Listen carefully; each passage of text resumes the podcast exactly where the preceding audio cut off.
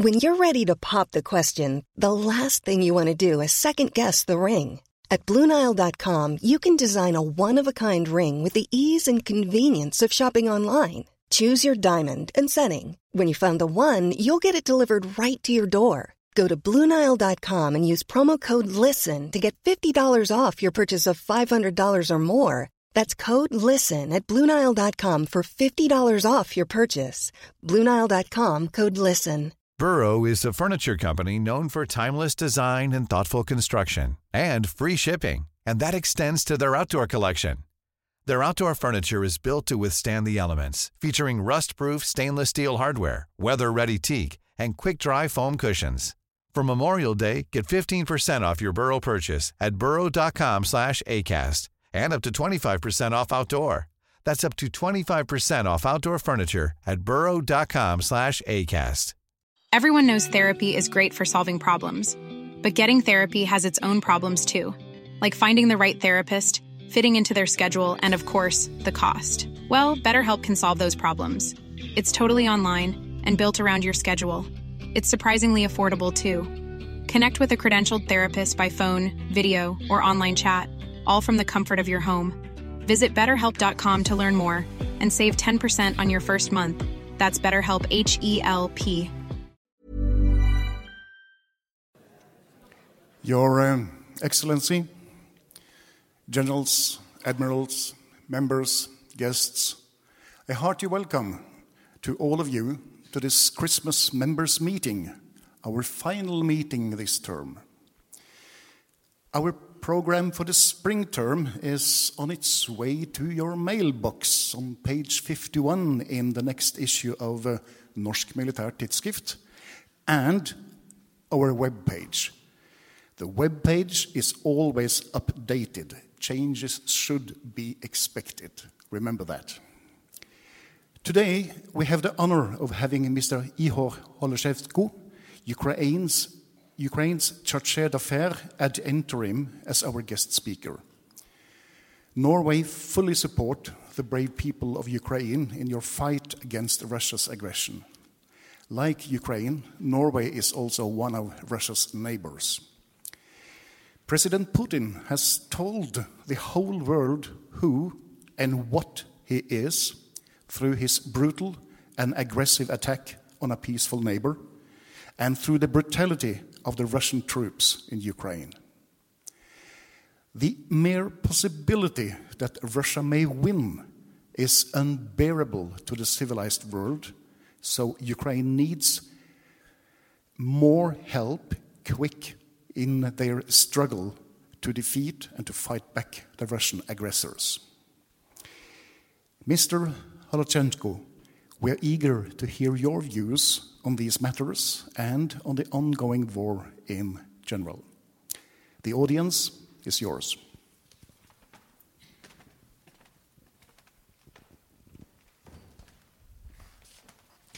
Good evening, everyone. I hope you can clearly hear me, my sound. Uh, my name is indeed Ihor ad interim, if you translate it in a form of diplomatic language into a normal one, basically means uh, acting ambassador. I am deputy ambassador who acts as head of the mission until a full-fledged ambassador uh, will arrive. I do not know yet when it uh, happens, so as of now, I'm doing my job here with you today.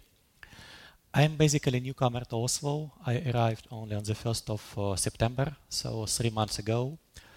Uh, this is my third diplomatic posting abroad. The first two were to Romania, and the second to Austria, to the OSCE, Organization for Security and Cooperation in Europe.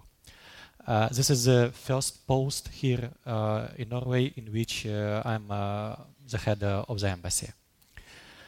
Uh, the reason why I agreed to come today and to deliver my uh, short introductory statement to you, and uh, I will be ready to open uh, whatever questions you might have uh, afterwards, is that I have been dealing with the issue of Russia's aggression against my country in different capacities uh, as a diplomat for the past 10 years. So, in fact, since since began in 2014. Uh, I worked in the MFA and the Office of the President, uh, then dealt uh, with Russia's aggression as a political counselor to the OSCE. And uh, between uh, my previous post and my current one here in Norway, uh, I was deputy political director in the MFA. Uh, I will start with short introduction. So I'm not aware of how much uh, you know about Ukraine, Russia, relations between our countries, some historic background. So I will deliver just short several remarks for better maybe political understanding of the war and its uh, roots. Uh, to start with, I would present one example from my previous capacity in the OSCE. One of the issues we have been uh, pushing forward within this organization was the correct uh, titles, correct names, correct wording. Uh, if you know, so Russian language and Ukrainian languages both belong to the Slavic languages, family of languages, but they are quite different the difference, the gap between them is quite big. It is nearly like between Norwegian and Dutch. For instance, I can I do not speak Norwegian, although I have started doing that. But if I take a written text in Norwegian by speaking English and German, I can basically understand what it is about. But it doesn't mean I, I do speak Norwegian. Uh, so in Russian, they say uh, when they refer to my country, they say on Ukraine while in Ukrainian we say it in Ukraine. Why do they do that? Because Russians do not recognize Ukraine as a sovereign state. In Russian language, na, on, is used for geographical uh, areas, for uh, on Caucasus, for instance, not for some state. Uh, in the OSCE, uh, the translators, which were mainly uh, people from Russia because that was their first language, used in Ukraine since 1990s till 2013. Since the end of 2013, in 2014, they switched back using to on Ukraine. And one of the biggest diplomatic battles I had in Vienna was to persuade that we should use the reference to in Ukraine to a sovereign state. This is for you to understand how they see, how Kremlin sees Ukraine. They do not recognize us as a separate identity, separate nation, they do really see us as a part of this big uh, Russian world, Russian people, how they call it, although we are very different uh, people. The problem is not only with the language, so we are very different in our heads, in our style of thinking. When I was a kid, my grandfather moved for several years in 1980s to Siberia to work because they simply had bigger salaries at that time for people who were ready to go there. I remember he was telling me that uh, he was always been able to he was always uh, able, able to identify whether a specific house in Siberia belonged to Ukrainian family or to a Russian one. Is it if it was well uh, know, furnished, painted with some green around it, it belonged to Ukrainian family if it was totally neglected, it was a Russian house. Uh, again, one of example examples for you to understand that we are now fighting not only for our territorial integrity, for our internationally recognized borders, uh, we fight for our way of living. We do not want to be a part of Russian empire anymore. We do not want to live Russian-like style anymore. That is one of the our biggest causes why we are so fierce in our resistance to this full-scale invasion and why uh, we have been doing that since the very uh, regaining of uh, independence in 1991. Everyone knows therapy is great for solving problems, but getting therapy has its own problems too, like finding the right therapist, fitting into their schedule, and of course, the cost. Well, BetterHelp can solve those problems. It's totally online and built around your schedule. It's surprisingly affordable too. Connect with a credentialed therapist by phone, video, or online chat, all from the comfort of your home. Visit betterhelp.com to learn more and save 10% on your first month. That's BetterHelp H E L P. Burrow's Furniture is built for the way you live. From ensuring easy assembly and disassembly to honoring highly requested new colors for their award winning seating, they always have their customers in mind. Their modular seating is made out of durable materials to last and grow with you. And with Burrow, you always get fast, free shipping. Get up to 60% off during Burrow's Memorial Day sale at burrow.com slash ACAST. That's burrow.com slash ACAST. burrow.com slash ACAST. I might also refer that 2000, neither 2014 nor even 2022 were the first cases when Russia tried to undermine Ukraine's sovereignty. You can, uh, some of you might have heard about the Tuzla crisis, uh, this peninsula extension uh, close to Crimea. Uh, you might have heard about problems with the Black Sea Fleet uh, until we signed the bilateral agreement in 1997, uh, dividing it into two parts, Ukrainian one and the Russian one.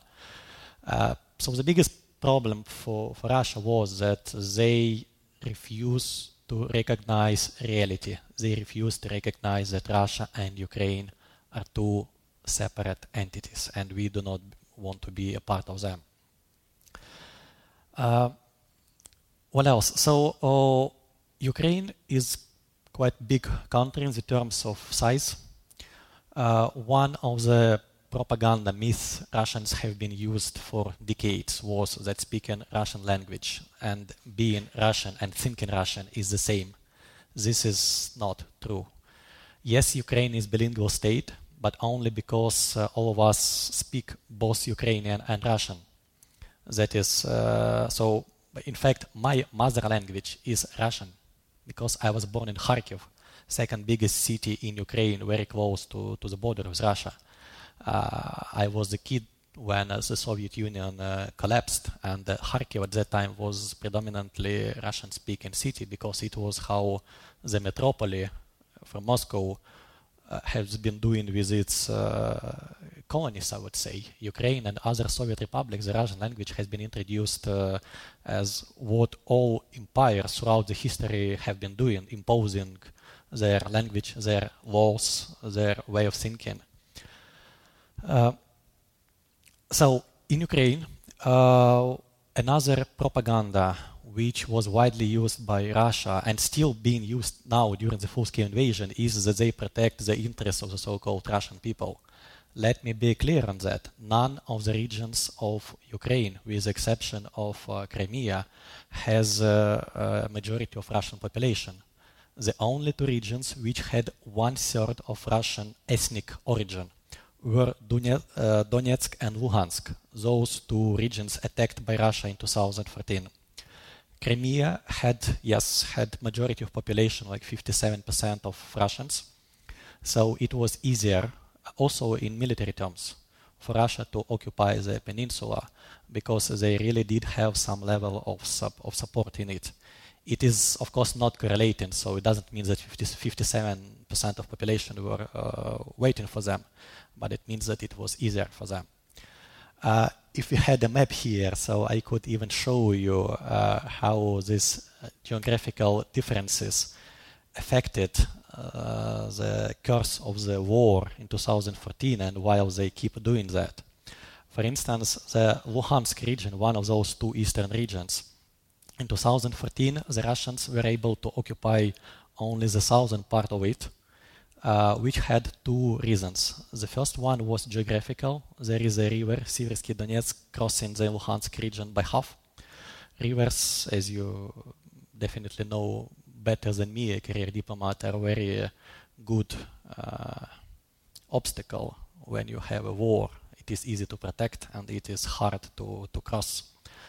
Uh, but the second reason was that the north of Luhansk region does not have big cities so Luhansk, as a capital of this region, is in the southern part. It has industrial suburbs, big towns with big population, while the northern part is simply a bunch of villages, which are very hard to occupy. We had examples when, uh, like, a train with uh, Russian mercenaries arrived in the beginning of 2014 to several villages and then uh, there were only few of them, like 10 people with guns. But then when they came to a village, in, village almost each yard has a man with a gun because it's rural, it's countryside. And uh, they were simply being repelled by guns from a village. While for big cities, the story was different. If you come to a city like Oslo, which has population nearly 1 million, uh, you simply need to occupy a water pumping station, an electricity power station, police station, a military camp if it has it, and administration uh, like city hall. That's all. If you control water, electricity, and also logistics and food in a big city, then you have a loyal population who simply do not have other options as to follow the instructions given by men with guns, because otherwise they would simply die from hunger or from lack of water, which is not the case for uh, countryside. Uh, okay, so as I said, I've been dealing with this for 10 years, so I can talk for hours covering food, energy, nuclear power, uh, military aspects, uh, political dimension of the war for me as a diplomat within the multilateral formats, UN uh, resolutions, whatever. So that's why I thought that I would like to give you a floor to the questions you might have. It might be easier for me to focus on something specific than to just for talk, as I said, for hours without the knowledge whether it is interesting for you or not. So I would kindly ask you to start the Q&A uh, session.